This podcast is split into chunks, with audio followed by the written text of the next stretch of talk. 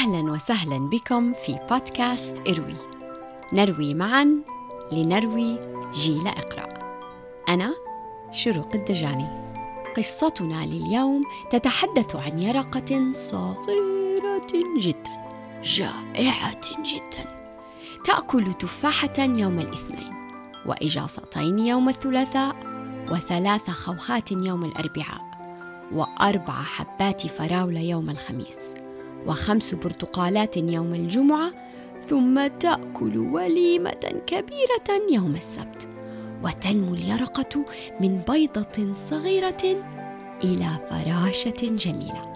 وتنجح في نفس الوقت في قدم طريقها عبر صفحات هذا الكتاب. هذا الكتاب ألفه إريك كارل ترجم من اللغة الإنجليزية إلى اللغة العربية. وإذا كنتم تملكون الكتاب فلنتابع معا عبر الصفحات.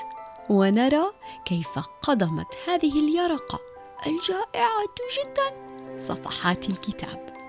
فلنبدأ القصة معا. لنأخذ نفسا عميقا.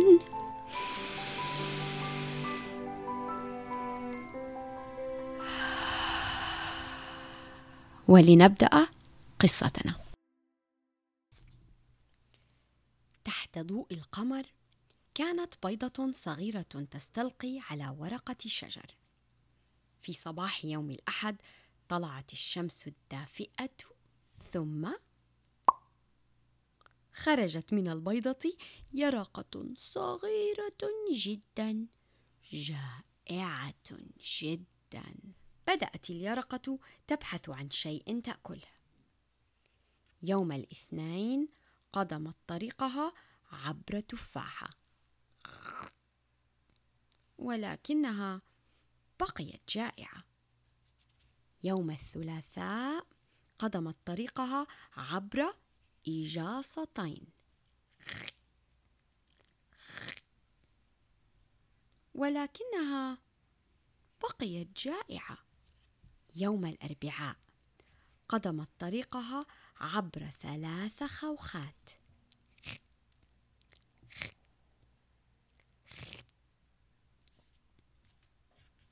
ولكنها بقيت جائعة. يوم الخميس قدمت طريقها عبر أربع حبات فراولة.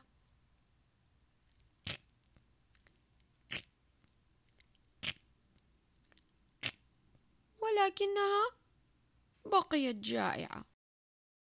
يوم الجمعة قدمت طريقها عبر خمس برتقالات.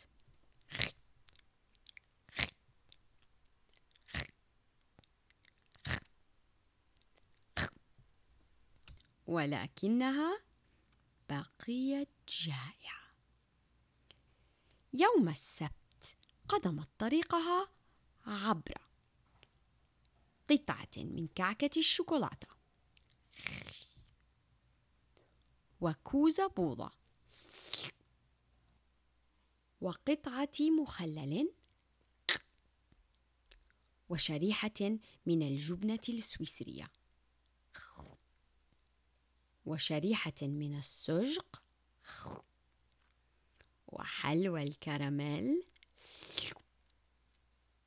وقطعة من فطيرة الكرز وقطعة من النقانق وكعكة مدورة وشريحة من البطيخ.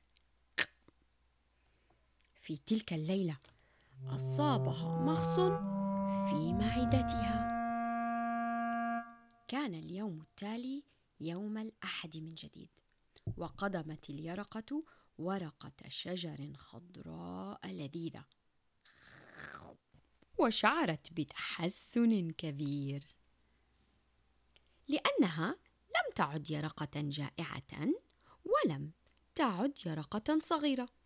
فإنها قد صارت يرقة كبيرة سمينة وبنت حول نفسها بيتا صغيرا يسمى الشرنقة وبقيت داخله لمدة أكثر من أسبوعين. ثم قدمت اليرقة فتحة في الشرنقة ودفعت نفسها في الخارج ثم صارت فراشة جميلة هل أحببتم القصة؟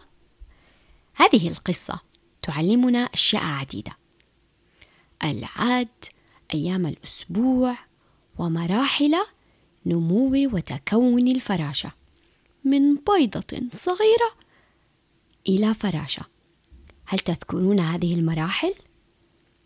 بيضة يرقة شرنقة ثم فراشة. أرأيكم أن تسمعوا القصة من جديد؟